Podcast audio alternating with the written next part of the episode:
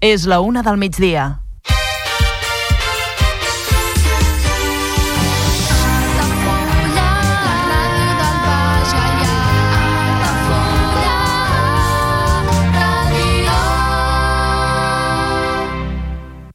Altafulla Ràdio.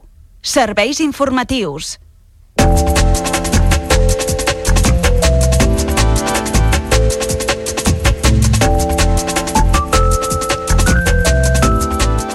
Sa Majestat Carnestoltes s'acomiada d'Altafulla. Aquest dimecres de cendre s'han cremat les seves despulles davant l'atenta mirada de molts altafollencs que han celebrat l'èxit d'uns dies de disbauxa. El Centre d'Estudis presenta l'Oliverot 28, als indians d'Altafulla. En dues publicacions són fruit del treball del doctor Salvador Rovira i Gómez i repassen la història i patrimoni d'Altafulla amb informacions compreses entre els segles XVII i XX. El Cineclub Altafollanenc projecta Broker aquest divendres a la Vileta. Es tracta d'un drama familiar que des de l'entitat qualifiquen de radiant per la manera com el seu director encara temes com el robatori de nadons o l'adopció. L'Assemblea Nacional Catalana explicarà el projecte de llista cívica per la independència d'Altafulla. La territorial local assegura que molts sobiranistes se senten incòmodes amb els partits polítics i per això estudien presentar-se a les eleccions al Parlament. La policia local de Creixell signa un conveni marc de col·laboració amb el Servei Català de Trànsit. L'entesa respon a la voluntat de l'Ajuntament de desenvolupar accions conjuntes per reduir els accidents de trànsit al municipi. El dilluns vinent començaran les obres de cobriment i climatització de la nova piscina de Torre d'Embarra.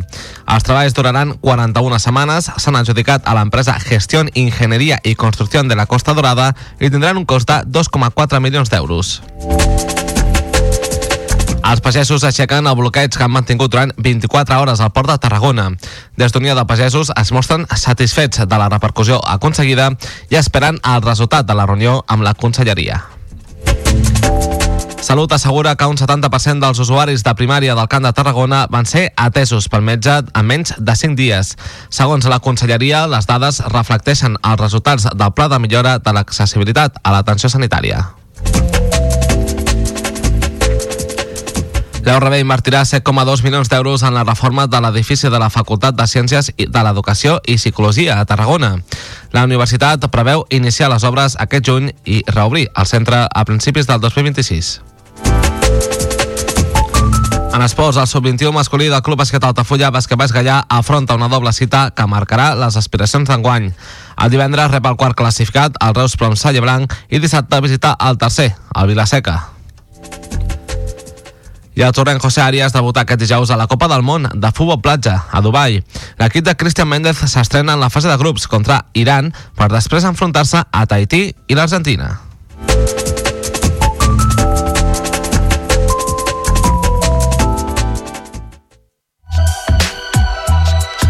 Altafulla Mar Hotel. Esdeveniments familiars, comunions, batejos i casaments i reunions d'empresa. Sales privades amb llum natural, terrassa i accés al jardí, des de 10 fins a 200 assistents. Altafulla Mar Hotel, el teu espai de confiança per a les teves celebracions familiars al barri marítim d'Altafulla. Demana pressupost sense compromís trucant al 977 65 11 55. Altafulla Mar Hotel. Altafulla Mar Hotel patrocina l'informatiu.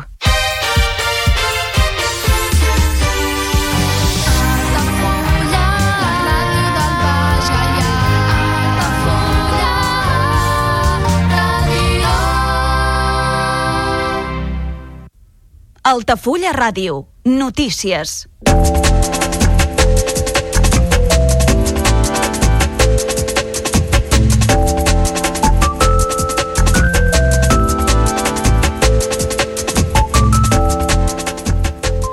El Carnaval d'Altafulla ja és història. Ara sí, la celebració ha posat el punt final amb el comiat de Sa Majestat Carnestoltes que ha regnat a la vila pràcticament durant una setmana, des de dijous gras. La clausura de la celebració ha tingut lloc aquest dimecres al vespre i ha comptat amb una nombrosa participació per part de les colles locals, així com d'altafullencs i altafullenques que han sortit al carrer per plorar les despulles del rei de la disbauxa. La comitiva fúnebre sortia quan tot just havien tocat un quart de nou de la nit des del carrer de l'Hostal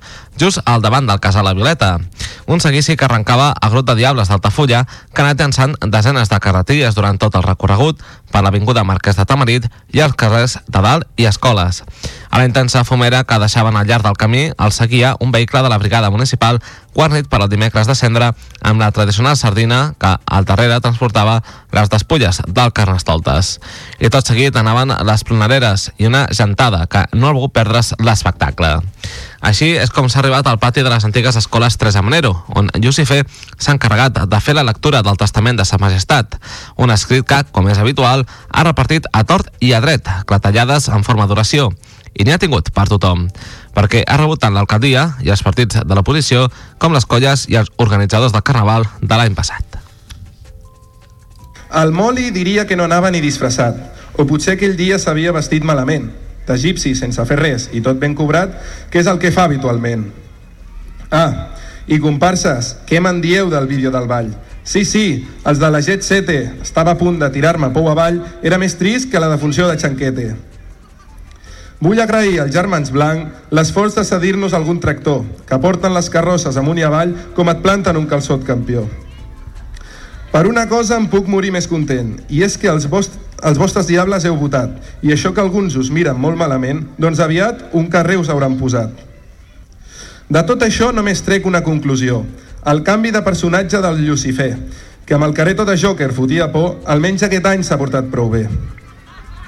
Estic com una sopa de marejat. Tantes voltes a la platja m'han fet rebentar. Volem tornar a trepitjar el poble del costat com anys enrere, a donar el callo a Bajamar. Carnavaleros, no defalliu. Sou l'ànima de la festa. Que no us ho passareu bé aquest estiu, ara que ja s'ha acabat la festa. Tot això que us deixo amb l'amor no és una herència qualsevulla. Tingueu una cura, feu-me el fotut favor i visca el Carnaval d'Altafulla. Després de la lectura del testament del rei Carnestoltes s'ha procedit a la crema de les seves restes, al centre de l'espai i ben visible per part de tots els concentrats a l'acte.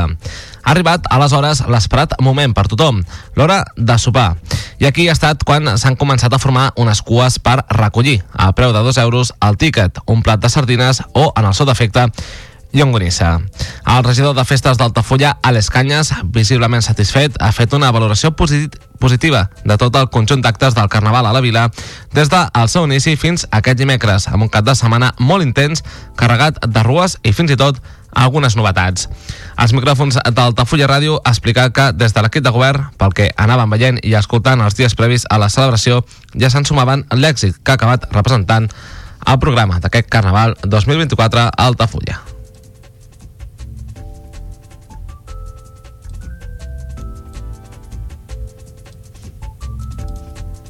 El balanç és positiu. Vull dir, al final ja t'ho vaig comentar el dijous, no? que vam començar doncs, amb molt bona participació i després de veure com ha anat tot el cap de setmana i, i justament doncs, avui doncs, ens podem donar més que satisfets. Hem recuperat aquest carnaval on posem al centre les entitats i els grups de carnaval com sempre hauria d'haver sigut i, i la veritat és que estem molt contents de la resposta i de, i de bé, que al final hem aconseguit doncs, 5 carrosses i 3 comparses, que són 8 grups i per una població tan petita tornar a recuperar doncs, que hi hagi 8 grups eh, és, molt, és molt important com, com a l'hora d'agrair i de valorar molt positivament. No?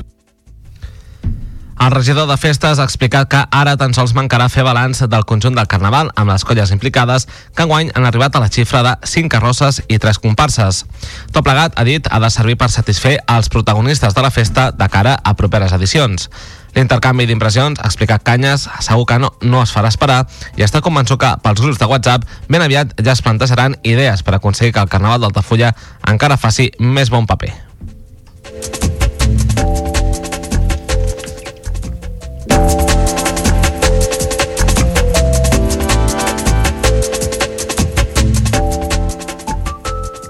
En la plana cultural, els amants d'Altafulla, però sobretot de la seva història i patrimoni, tenen una cita aquest divendres 16 de febrer a les 7 de la tarda a la sala Teresa Manero.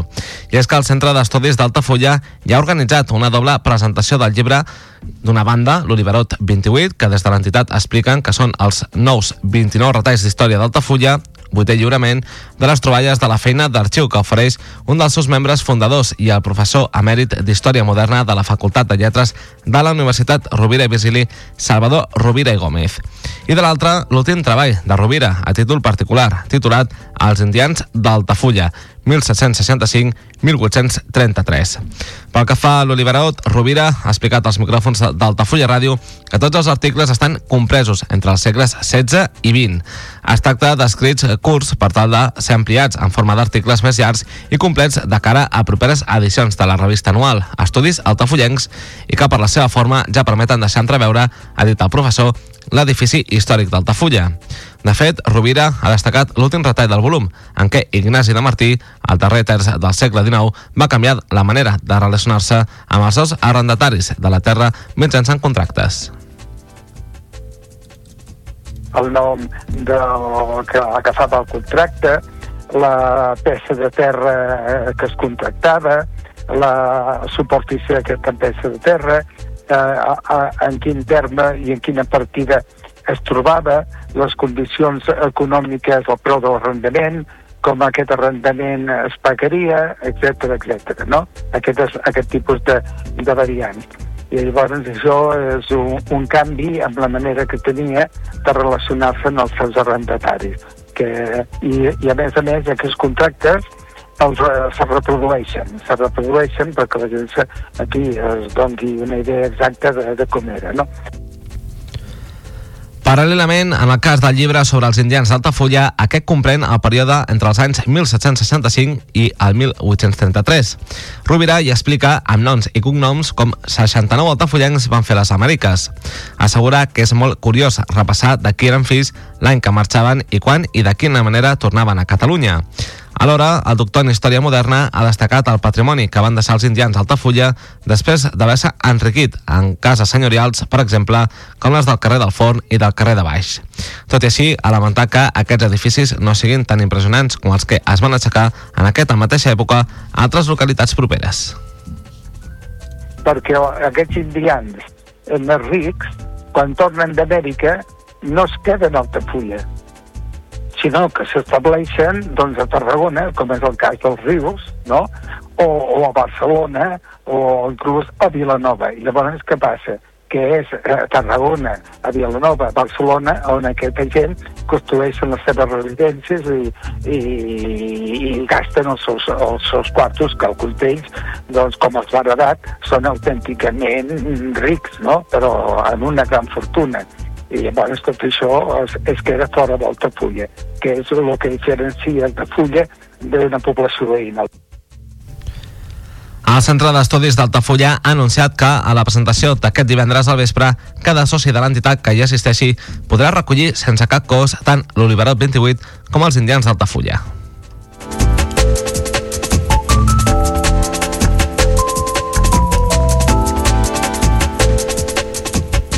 En clau política, l'Assemblea Nacional Catalana ha fixat el primer trimestre d'enguany perquè els seus socis votin si l'entitat impulsa una llista cívica per concórrer les pròximes eleccions al Parlament de Catalunya.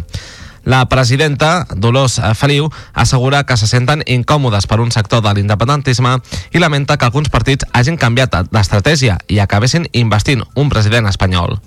En aquest sentit, la màxima responsable de l'Assemblea insisteix que la llista cívica té l'objectiu de fer real un nou embat i reclama que les institucions i les mobilitzacions al carrer vagin junts per assolir definitivament la independència. Un guió aquest que s'anunciava a finals de l'any passat i que no ha estat exempt de polèmica. I és que tot just fa 15 dies, més de 130 càrrecs i excàrrecs de l'Assemblea Nacional Catalana van denunciar que el projecte de llista cívica que lidera l'actual presidenta incompleix els estatuts, el codi ètic i el full de ruta vigent de l'entitat. Els crítics, a més, lamenten que el projecte de candidatura fa perdre pluralitat. El cas és que, mentrestant, la maquinària per estudiar si es forma la llista cívica ha començat a engegar-se. L'ANC ho consultarà als socis la primera quinzena de març i ara el que fa és facilitar tota la informació que considera necessària per a l'ocasió als seus components. És per això que aquest divendres farà parada a Altafulla, de la mà del seu coordinador de la Comissió Estratègica i Discurs, Oriol Bertran, i la vicepresidenta de l'entitat sobiranista, Núria Marín. El coordinador de la territorial local de l'ANC, Ramon Salvans, ha explicat a Altafulla Ràdio que oferiran una xerrada informativa adreçada al públic general. l'Assemblea Nacional de Catalunya s'està preparant una opció per participar políticament, no directament, perquè en si com, com a assemblea no es pot, no es pot plantejar constituir-se en partit polític, però sí donar suport amb una llista cívica per la independència de cada les properes eleccions.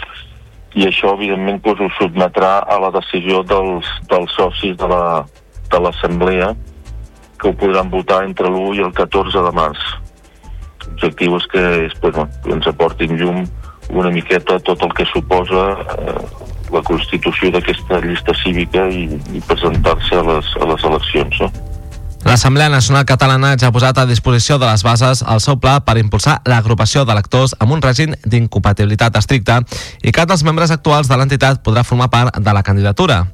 La propera passa serà preguntar explícitament als socis si volen que l'ANC impulsi una llista cívica per fer la independència. Si s'aprova, un cop convocades les eleccions, l'entitat intentarà recollir les prop de 60.000 signatures necessàries per inscriure's com a agrupació d'electors. Seria la primera vegada que això passa al Parlament. El que està clar és que hi ha molt, molt decebut amb l'actitud dels partits polítics a dia d'avui. Si no recordo malament, a les últimes eleccions eh, més de 700.000 persones se van quedar a casa, 700.000 vots independentistes se van quedar a casa. No? I aleshores eh, l'objectiu d'aquesta llista és recuperar tota aquesta, tota aquesta gent mobilitzada de nou l'independentisme i, i denunciar una miqueta doncs, la, la, la via autonòmica que s'ha tornat la política catalana. Jo penso en aquest sentit doncs, té, té la possibilitat de recuperar molta gent desencisada d'aquests últims anys. La xerrada informativa d'Oriol Bertran i Núria Marín sobre la llista cívica per la independència tindrà lloc aquest divendres 16 de febrer a partir de les 7 de la tarda a la Pallissa, de l'Era del Senyor. L'accés és lliure.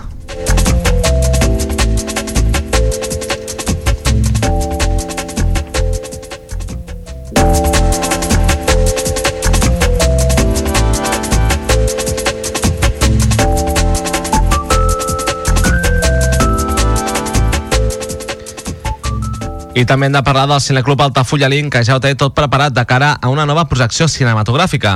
Serà aquest divendres 16 de febrer a les 8 del vespre al Casal La Violeta i en aquesta ocasió el film escollit és la darrera obra del director japonès Hirosaku Koroeda, Broker, una pel·lícula que des de l'organització l'han definit com a radiant.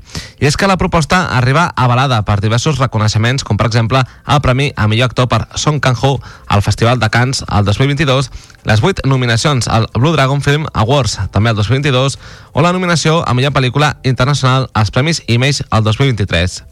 Broker explica que en una nit plujosa una jove abandona el seu infant a les portes d'una església. El nonat és recollit per dos homes que es dediquen a robar nadons abandonats per després vendre'ls a pares disposats a comprar-los. Quan la jove en qüestió després torna a l'església, penedida, descobreix el negoci il·legal de tots dos homes i decideix unir-se a ells per tal de trobar els pares adoptius més adequats. I és en aquest inusual viatge per carretera que el destí de tots aquells que es creuen en la vida del nen canviarà radicalment. El plantejament d'arrencada és força trist i els personatges de la història fins i tot generen i tots generen rebuig. Però en mans de Curieda es mostren fràgils i creïbles, i és que tots tenen un passat i un motiu que els porta a fer que el fan, que no són necessàriament els diners. El president del Centre Club Altafulla Link, José Manuel Ruiz, ha explicat que el treball narra allò que moltes vegades s'anomena família trobada. un, com bé deies, doncs, té la família on ha, ha nascut, hi ha la família que, que un escolleix eh, quan té parella i té fills i, i tal, però la trobada és quan una sèrie, una sèrie de persones que d'alguna manera són com orfes dintre, orfes dintre la societat es troben eh, per diverses circumstàncies i entre ells comença a sortir un vincle que ni ells mateixos ho, ho, ho anomenarien com una família, però sí que els hi porta doncs, a tenir aquest, aquesta, aquesta realitat, aquesta escalfor entre, entre els membres d'aquest cercle, per dir-ho així, des del cineclub local expliquen que Broker és una pel·lícula senzilla i a la vegada arriscada. En les informacions que han distribuït des de l'entitat asseguren que parlar d'un tema tan delicat com el que porta i intentar fer-ho amb calidesa i humor és tot un repte.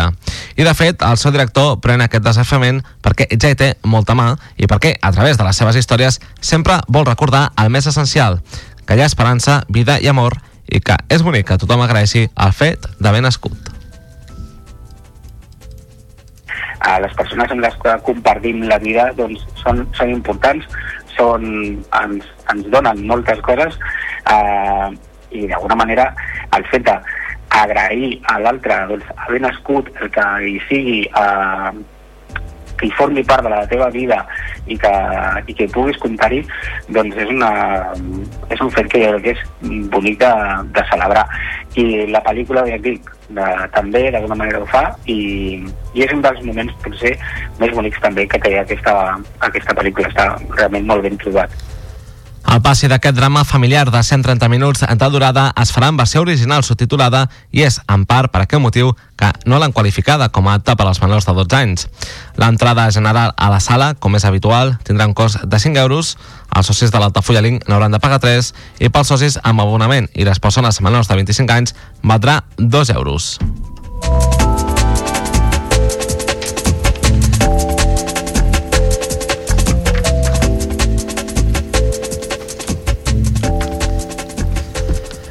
Deixem Altafulla i ens centrem en altres municipis del Baix Gaià, com per exemple Careixell, on la policia local ha signat un conveni marc de col·laboració amb el Servei Català de Trànsit. És una entesa que respon a la voluntat de l'Ajuntament de Creixell de desenvolupar accions conjuntes i coordinades amb altres administracions en els àmbits urbà i interurbà en matèria de seguretat viària en l'objectiu de reduir els accidents de trànsit. La necessitat mostrada pel consistori ve arran dels estudis sobre l'accidentalitat i comportament del trànsit en aquesta mena de vies i que posen de manifest la significativa participació dels accessos de velocitat en la producció d'accidents i, en general, de la conflictivitat del trànsit. També apunten el fet de conduir sota els efectes de l'alcohol o substàncies estupefaents. L'estudi, a més, mostra que durant els últims anys a Catalunya més del 50% de les víctimes han estat per accidents de trànsit produïdes en vies urbanes. Aviat, la policia local de Creixell rebrà la corresponent formació específica en matèria del drogotest, una de les eines que utilitzaran a la marca d'aquest conveni i també de l'ús del cinemòmetre.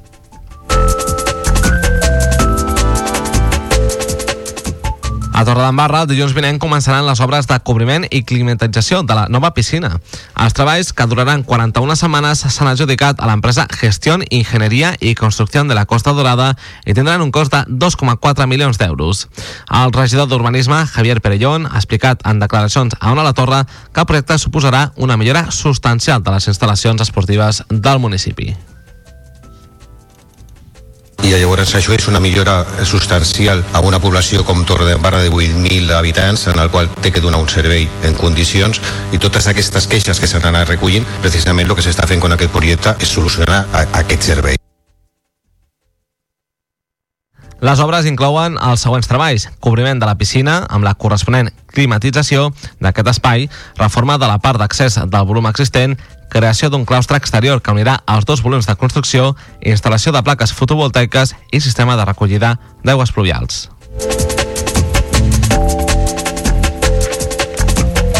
I pel que fa a l'actualitat de la demarcació de Tarragona, doncs bé, els pagesos han aixecat el bloqueig que han mantingut durant 24 hores al port de Tarragona. Ho han fet aquest dimecres al matí, després d'una breu assemblea i que ha donat pas a la desfilada de la seixantena de tractors que s'havien quedat durant la nit per tornar a casa. El trànsit de la carretera s'ha restablert poc després i els camions ja han pogut entrar a la infraestructura portuària. El coordinador territorial d'Unió de Pagesos, Pere Guinovar, s'ha mostrat satisfet de la repercussió que ha aconseguit la protesta. Ara, diu, estan a l'espera del resultat de la reunió convocada amb la Conselleria d'Acció Climàtica.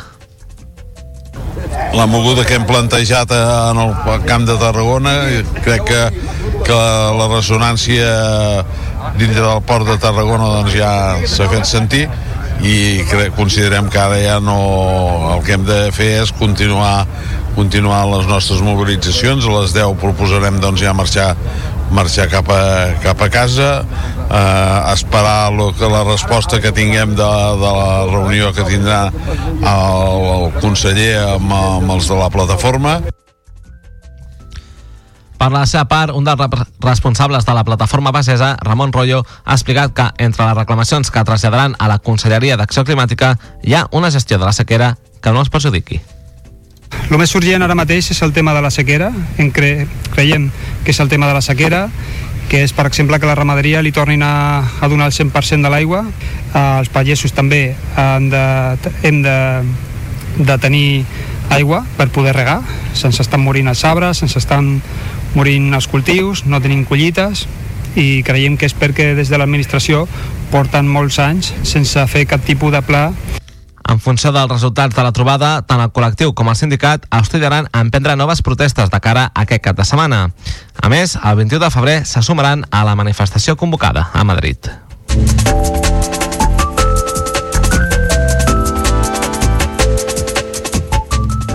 Pel que fa a matèria de salut, el departament d'aquesta àrea assegura que un 70% dels usuaris de primària del Camp de Tarragona van ser atesos pel metge en menys de 5 dies. El 90% ho van ser en un termini màxim de 10 dies. Aquestes xifres corresponen a l'any passat i, segons la Conselleria, reflecteixen els resultats del Pla de millora de l'accessibilitat a l'atenció sanitària. Pel que fa a intervencions quirúrgiques, al Camp de Tarragona l'any passat se'n van fer gairebé 29.000, un 28% més que el 2022. Segons Salut, aquest és el registre més alt mai aconseguit. Això ha permès reduir un 80%, asseguren, el nombre de pacients no atesos dins del termini previst. També ha millorat les dades de proves diagnòstiques. L'any passat se'n van fer més de 54.000, el que representa un increment del 15%. En paral·lel, els casos atesos fora de termini han caigut un 11%.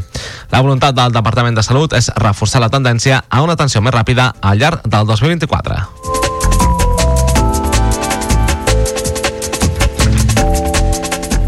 I pel que fa a educació, la URB invertirà 7,2 milions d'euros en la reforma de la Facultat de Ciències de l'Educació i Psicologia. L'edifici de 8.400 metres quadrats es va inaugurar el 1976 i és actualment el més antic de la universitat. L'objectiu és millorar-lo energèticament i adaptar-lo al segle XXI, segons ha afirmat el rector Josep Pallarès en declaracions recollides a Radio Ciutat de Tarragona.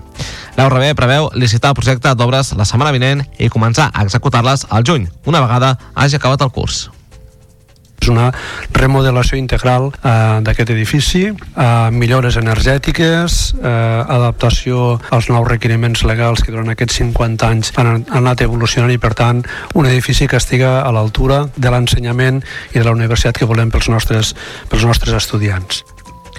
El termini d'execució serà de 18 mesos amb la voluntat que a principis del 2026 els 1.800 alumnes d'aquesta facultat puguin tornar a les aules. En matèria esportiva, el sub-21 masculí del Club Basquet Altafulla, Baix Gallà, reprèn la competició de Lliga a grup 1 de la segona territorial, després de l'aturada pel Carnaval. Ho fa amb la disputa de dos partits en menys de 24 hores, entre el divendres i el dissabte, i contra dos rivals de la zona alta de la classificació. Sens dubte, és el moment de mesurar fins a on poden arribar en guany. El primer compromís és el d'aquest divendres a les 9 de la nit davant el quart classificat, el Reus Pronsalla Blanc, al pavelló d'Altafulla correspon a la jornada 10, celebrada a principis de desembre.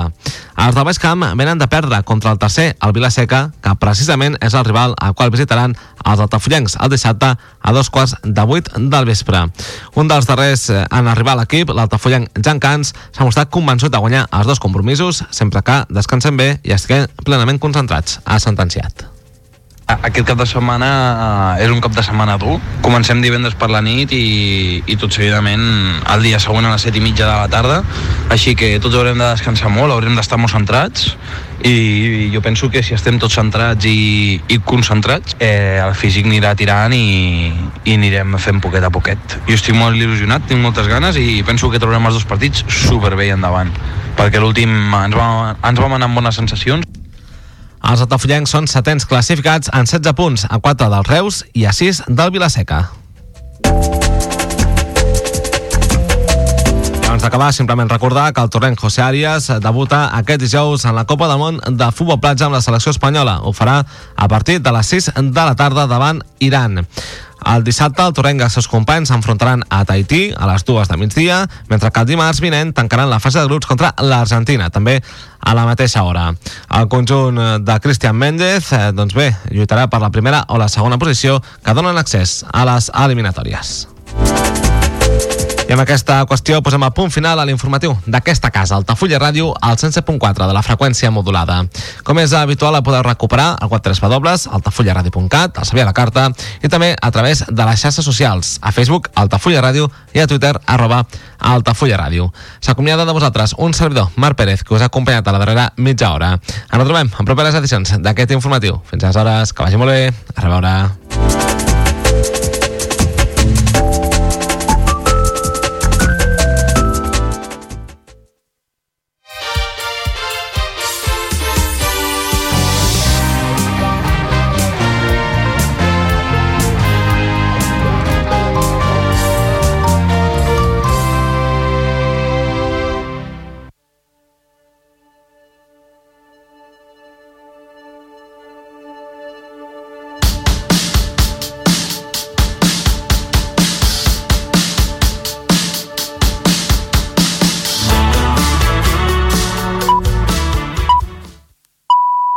Altafulla Ràdio. La xarxa. Ja coneixes les propostes que t'ofereix el Club Marítim Altafulla? Vine i descobreix totes les nostres activitats. Sortides en caia, copà del surf, cursos de vela per a totes les edats. No t'ho perdis. Club Marítim Altafulla. Obert tot l'any i per